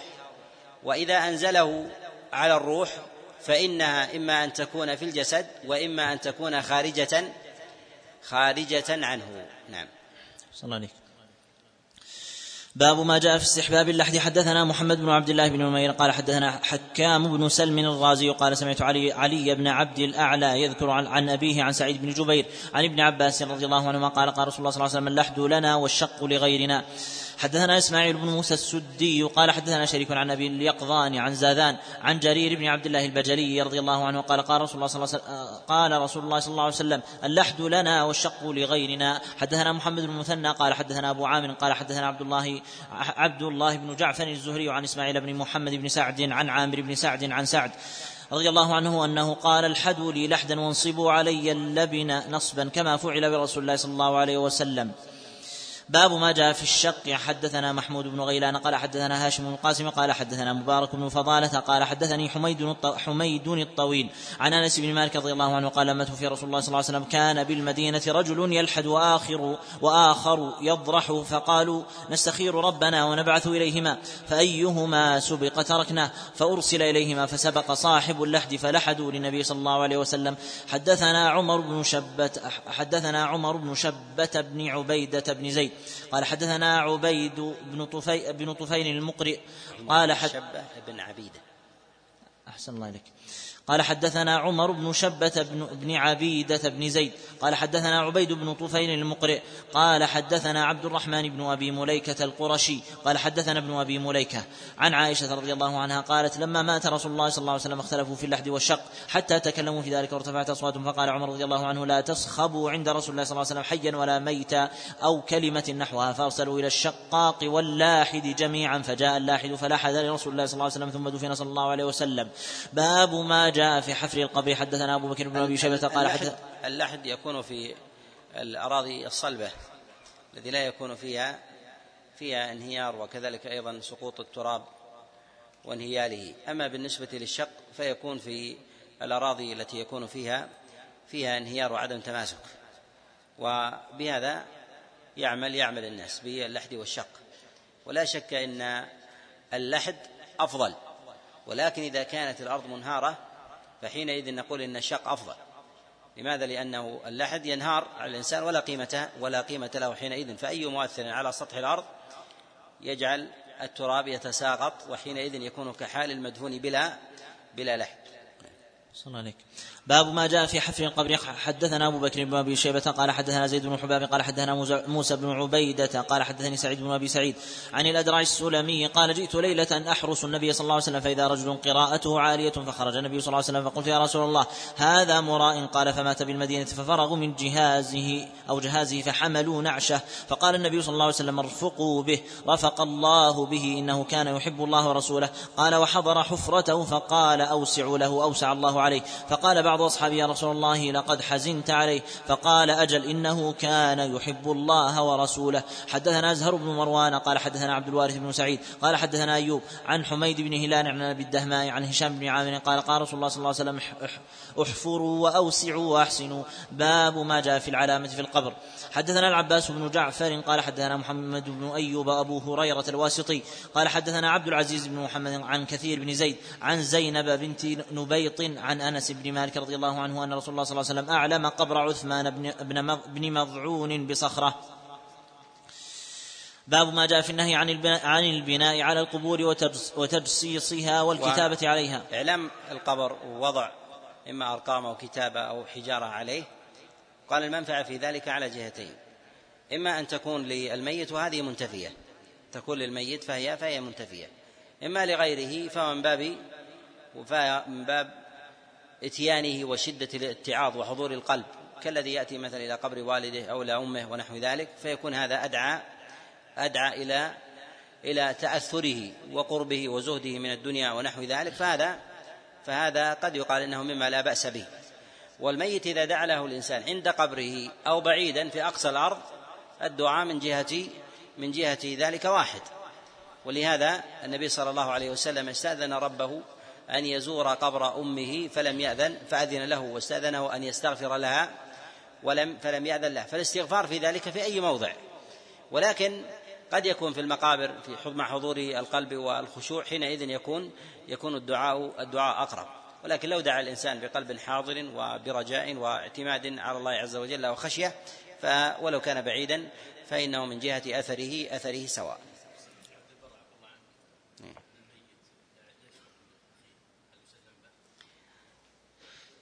يقول أن الميت يشعر بمن يأتي يأتي إليه. جاء في ذلك جملة من الأحاديث. وأيضا يقويها ابن تيمية رحمه الله غير ابن عبد البر. يقول يقول بذلك. وبعضهم ينسبها إلى التواتر والتواتر ولا أراها تصل إلى هذا الحد. السلام عليكم. باب ما جاء في النهي عن البناء على القبور وتجصيصها والكتابة عليها. حدثنا أزهر بن مروان ومحمد بن زياد قال حدثنا عبد الوارث عن أيوب عن أبي الزبير عن جابر قال نهى رسول الله صلى الله عليه وسلم عن تقصيص القبور عن تقصيص القبور. حدثنا عبد الله بن سعيد قال حدثنا حفص بن غياث عن ابن جريج عن سليمان بن موسى عن جابر رضي الله عنه قال نهى رسول الله صلى الله عليه وسلم أن يكتب على القبر شيء. حدثنا محمد بن يحيى قال حدثنا محمد بن عبد الله الرقاشي حد قال حدثنا وهيب قال حدثنا عبد الرحمن بن يزيد بن جابر عن القاسم بن مخيمرة عن أبي سعيد رضي الله عنه أن النبي صلى الله عليه وسلم نهى يبنى على القبر. باب ما جاء في حثو التراب في القبر. حدثنا العباس بن الوليد الدمشقي قال حدثنا يحيى بن صالح قال حدثنا سلمة بن كلثوم قال حدثنا الأوزاعي عن يحيى بن أبي كثير عن أبي سلمة عن أبي هريرة رضي الله عنه رسول الله صلى الله عليه وسلم صلى على جنازة ثم أتى قبر الميت فحثى عليه من قبل رأسه ثلاثا باب ما جاء في النهي عن المشي عن على القبور والجلوس عليها. حدثنا سويد بن سعيد قال حدثنا عبد العزيز بن أبي حازم عن سهيل عن أبيه عن أبي هريرة رضي الله عنه قال قال رسول الله صلى الله عليه وسلم لأن يجلس أحدكم على جمرة تحرقه خير له من أن يجلس على قبر. حدثنا محمد بن إسماعيل بن سمرة قال حدثنا المحاربي عن الليث بن سعد عن يزيد بن أبي حبيب عن أبي الخير مرثد بن عبد الله اليزني عن عقبة بن عامر رضي الله عنه قال قال رسول الله صلى الله عليه وسلم أن أمشي على جمرة أو سيف أو أخصف نعلي برجلي أحب إلي من أن أمشي على قبر مسلم وما أبالي أوسط القبور قضيت حاجتي أو وسط, أو وسط, أو وسط السوق. باب ما جاء في خلع في خلع النعلين في المقابر. حدثنا علي بن محمد قال حدثنا وكيع قال حدثنا الأسود بن شيبان عن خالد بن سمير عن بشير بن نهيك عن بشير بن الخصاصية قال بينما أنا أمشي مع رسول الله صلى الله عليه وسلم. قال يا ابن الخصاصية ما تنقم على الله. أصبحت تماشي رسول الله صلى الله عليه وسلم. أصبحت تماشي رسول الله صلى الله عليه وسلم. فقلت يا رسول الله ما أنقم على الله شيئا. كل خير قد آتانيه الله. فمر على مقابر المسلمين. فمر على مقابر المسلمين فقال أدرك هؤلاء أدرك هؤلاء خيرا كثيرا. ومر على مقابر المشركين فقال سبق هؤلاء خيرا كثيرا. قال فالتفت فرأى رجلا يمشي بين المقابر في نعله فقال يا صاحب السبتيتين. ألقهما. حدثنا محمد بن بشار قال حدثنا عبد الرحمن بن مهدي قال كان عبد الله بن عثمان يقول حديث جيد ورجل ثقة. باب ما جاء في زيارة القبور. حدثنا أبو بكر بن أبي شيبة قال حدثنا محمد بن عبيد عن يزيد بن كيسان عن أبي حازم عن أبي هريرة رضي الله عنه قال قال رسول الله صلى الله عليه وسلم زوروا القبور فإنها تذكركم الآخرة. حدثنا إبراهيم بن سعيد الجوهري قال حدثنا روح قال حدثنا بسطام بن مسلم قال سمعت أبا التياح قال سمعت ابن أبي مليكة عن عائشة رضي الله عنها رسول الله صلى الله عليه وسلم رخص في القبور. حدثنا يونس بن عبد الأعلى قال حدثنا ابن وهب قال أخبرنا ابن جريج عن أيوب بن هاني عن مسروق عن مسروق عن مسروق بن الأجدع عن ابن مسعود أن رسول الله صلى الله عليه وسلم قال كنت نهيتكم عن زيارة القبور فزوروها فإنها تزهد في الدنيا وتذكر الآخرة. وهذا وهذه أسباب زيارة القبور تزيد في الدنيا والتذكير في الآخرة. وأما بالنسبة للدعاء فهو يحصل الإنسان في أي موضع. وأما ما كان من أمر الإجلال وذلك بزيارة أحد بعينه فهذا يكون لي إما لأقربين لأب أو أم أو نحو ذلك كما أن النبي عليه الصلاة والسلام استأذن أن يزور قبر أمه فزارها. وكذلك أيضا في زيارة قبر النبي عليه الصلاة والسلام فإن قبر النبي عليه الصلاة والسلام يتفق الصحابة كما نقل ذلك ابن تيمية رحمه الله إلى على استحباب وسنية زيارة قبر النبي عليه الصلاة والسلام. ولكن ثمة مسألة. المسألة الأولى في شد الرحال وشد الرحال ينهى عنه إلا لمن قصد المسجد ثم جاء تبعا لذلك لزيارة مسجد النبي عليه الصلاة والسلام. المسألة الثانية في المدنيين المدنيين هل يسن لهم أن يأتوا إلى مسجد رسول الله صلى الله عليه وسلم ويقفون عنده ويسلمون؟ قد روى أو ذكر سعيد بن منصور أن أصحاب رسول الله صلى الله عليه وسلم يتفقون على عدم سنية زيارة أهل المدينة لمسجد رسول الله صلى الله عليه وسلم والوقوف عنده والسلام عليه. وذلك أنه يجعل راتبا باعتبار أنه يكون عيدا لأنه من أهل من أهل الحضور والشهادة للمسجد فيعمدون إليه في كل في كل حين. وأما بالنسبة لسبيل الاعتراض كغيرهم فهم يدخلون في سائر في سائر الحكم. وهذا القول نقله إمام متقدم وهو سعيد بن منصور ومن أجلة من جلة أهل الفقه والسنة والرواية. نعم. صلى الله عليكم. باب ما جاء في زيارة قبور المشركين. حدثنا أبو بكر بن أبي شيبة قال حدثنا محمد بن عبيد قال حدثنا يزيد بن كيسان عن أبي حازم. عن أبي هريرة قال زار النبي صلى الله عليه وسلم قبر أمه فبكى وأبكى من حوله فقال استأذنت ربي في أن أستغفر لها فلم يأذن لي واستأذنت ربي في أن أزور قبرها فأذن فزوروا القبور فإنها تذكركم الموت. حدثنا محمد بن إسماعيل بن البختري الواسطي قال حدثنا يزيد بن هارون عن إبراهيم بن سعد عن الزهري عن سالم عن أبيه قال جاء عربي إلى النبي صلى الله عليه وسلم فقال يا رسول الله إن أبي كان يصل الرحم وكان وكان فأين قال في النار. قال فكأنه وجد من ذلك. فقال يا رسول الله فأين أبوك؟ قال رسول الله صلى الله عليه وسلم حيثما مررت بقبر مشرك فبشره بالنار. قال فأسلم الأعرابي بعد وقال لقد كلفني رسول الله صلى الله عليه وسلم تعبا ما مررت بقبر كافر إلا بشرته بالنار. باب ما جاء في النهي عن زيارة النساء القبور. حدثنا أبو بكر بن أبي شيبة وأبو بشر قال حدثنا قبيصة حاء وحدثنا أبو كريب قال حدثنا عبيد بن سعيد حاء وحدثنا محمد بن خلف العسقلاني قال حدثنا الفريابي وقبيصة. كلهم عن سفيان عن عبد الله بن عثمان بن خثيم عن عبد الرحمن بن بهمان عن عبد الرحمن بن حسان بن ثابت رضي الله عنه عن أبيه. عن أبيه رضي الله عنه قال لعن رسول الله صلى الله عليه وسلم زوارات القبور. حدثنا أزهر بن مروان قال حدثنا عبد الوارث قال حدثنا محمد بن جحادة عن أبي صالح عن ابن عباس قال لعن رسول الله صلى الله عليه وسلم زوارات القبور. حدثنا محمد بن خلف أبو نصر قال حدثنا محمد بن طالب قال حدثنا أبو عوانة عن عمر بن أبي سلمة عن أبيه. عن أبي هريرة قال لعن رسول الله صلى الله عليه وسلم زوارات القبور. باب ما جاء في اتباع النساء الجنائز. حدثنا أبو بكر بن أبي شيبة قال حدثنا أبو سامة عن هشام عن حفصة عن أم عطية رضي الله عنها قال قالت نهينا عن اتباع الجنائز ولم يعزم علينا. حدثنا محمد بن مصفى قال حدثنا أحمد بن خالد قال حدثنا إسرائيل عن إسماعيل بن سلمان عن دينار بن ابي عن دينار أبي عمر عن ابن الحنفية عن علي رضي الله عنه قال خرج رسول الله صلى الله عليه وسلم فإذا نسوة جلوس. فقال ما يجلسكن؟ قلنا ننت قلنا ننتظر ننتظر الجنازة. قال هل تغسلن؟ قلنا لا. قال هل تحملن؟ قلنا لا. قال هل قال هل تدلين في من يدلي؟ قلنا لا قال فارجعن مأزورات غير مأجورات. باب ما جاء في النهي عن النياحة. حدثنا أبو بكر بن أبي شبة قال حدثنا وكيع عن يزيد بن عبد الله بن مولى الصهباء عن شهر بن حوشب عن أم سلمة رضي الله عنها عن النبي صلى الله عليه وسلم ولا يعصينك في معروف. قال النوح حدثنا هشام بن عمان قال حدثنا إسماعيل بن عياش قال حدثنا عبد الله بن دينار قال حدثنا حريز مولى معاوية قال خطب معاوية رضي الله عنه بحمص فذكر في خطبته أن رسول الله صلى الله عليه وسلم نهى عن النوح.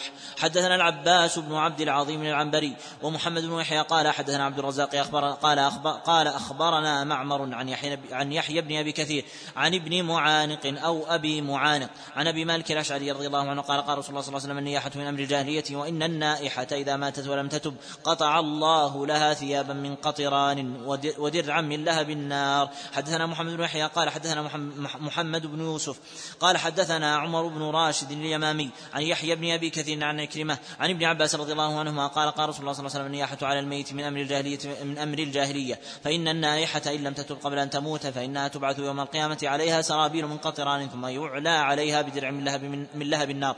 حدثنا أحمد بن يوسف قال حدثنا عبيد الله قال أخبرنا إسرائيل عن أبي يحيى عن مجاهد عن أبي عمر قال نهى رسول الله صلى الله عليه وسلم أن تتبع جنازة معها رانة.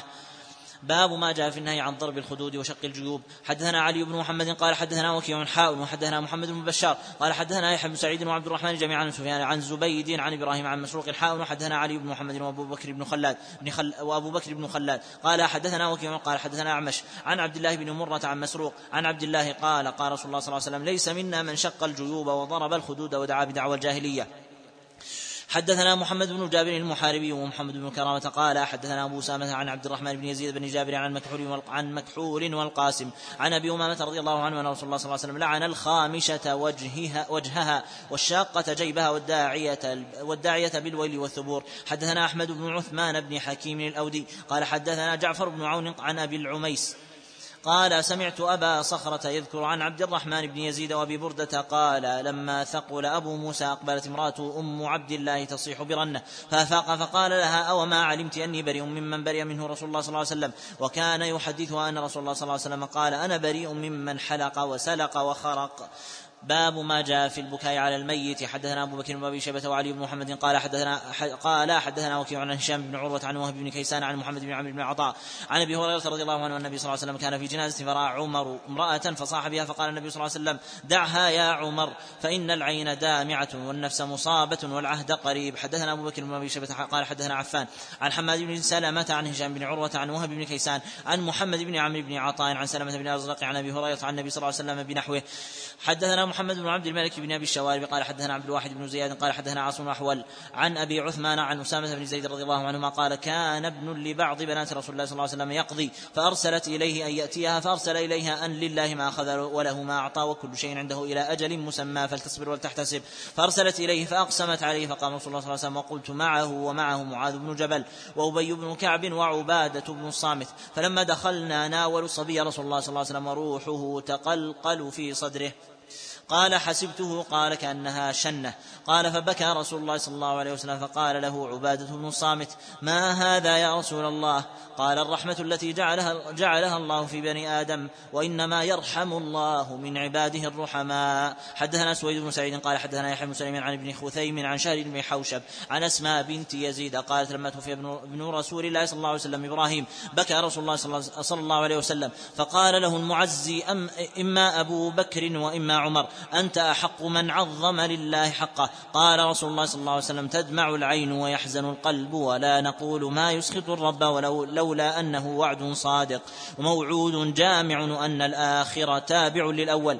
لوجدنا عليك يا إبراهيم أفضل مما وجدنا وإنا بك لمحزونون. حدثنا محمد بن يحيى قال حدثنا إسحاق بن محمد الفروي قال حدثنا عبد الله بن عمر. عن إبراهيم بن محمد بن عبد الله بن جحش عن أبيه عن حملة بنت جحش أنها قيل أنه قيل لها قتل أخوك فقالت رحمه الله وإنا لله وإنا إليه راجعون. قالوا قتل زوجك قالت وحزنا فقال رسول الله صلى الله عليه وسلم إن للزوج من المرأة لشعبة ما هي لشيء. حدثنا هارون بن سعيد المصري قال حدثنا عبد الله بن وهب قال أخبرنا أسامة بن زيد عن نافع. عن ابن عمر رضي الله عنهما أن رسول الله صلى الله عليه وسلم مر بنساء عبد الاشهل يبكين هلكاهن يوم أحد؟ فقال رسول الله صلى الله عليه وسلم لكن حمزة لا بواكي له. فجاء نساء الأنصار يبكين حمزة فسيقظ رسول الله صلى الله عليه وسلم فقال ويحهن من قلبن بعد مروهن فلينقلبن ولا يبكين على هالك بعد اليوم. حدثنا هشام بن عمار قال حدثنا سفيان بن إبرا... قال حدثنا سفيان عن إبراهيم الهجري عن ابن أبي أوفى قال نهى رسول الله صلى الله الله عليه وسلم عن المراثي باب ما جاء في الميت يعذب بما نح عليه حدثنا أبو بكر بن أبي شيبة قال حدثنا شاذان حاء وحدثنا محمد بن بشار ومحمد بن الوليد قال حدثنا محمد بن جعفر. حاء وحدثنا نصر بن علي قال حدثنا عبد الصمد ووهب بن جرير قالوا حدثنا شعبة عن قتادة عن سعيد بن مسيب عن ابن عمر عن عمر بن الخطاب عن النبي صلى الله عليه وسلم قال الميت يعذب بما نيح عليه حدثنا يعقوب بن حميد بن كاسب قال حدثنا عبد العزيز بن محمد يعذب بما نيح عليه إذا أوصى. أو كان متيقنا أنه يناح عليه ثم سكت راضيا.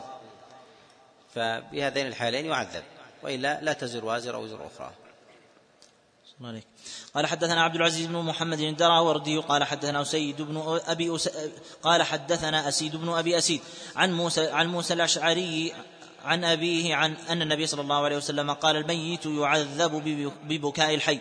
إذا قالوا وعضداه و وكاسياه وناصره وجبلاه ونحو, ونحو هذا. يتعتع ويقال أنت كذلك أنت كذلك. قال أسيد فقلت سبحان الله إن الله يقول ولا تزر وازرة وزر أخرى. قال ويحك أحدثك أن أبا موسى حدثني عن رسول الله صلى الله عليه وسلم فتورى, فتورى أن أبا موسى كذب على النبي صلى الله عليه وسلم. أو ترى أني كذبت على أبي موسى. حدثنا هشام بن عمار قال حدثنا سفيان بن عيينة عن عمرو عن ابن أبي عن ابن أبي مليكة عن عائشة قالت إنما كانت يهودية ماتت فسمعهم النبي صلى الله, صلى الله عليه وسلم يبكون عليها. قال فإن أهلها يبكون عليها وإنها تعذب في قبرها.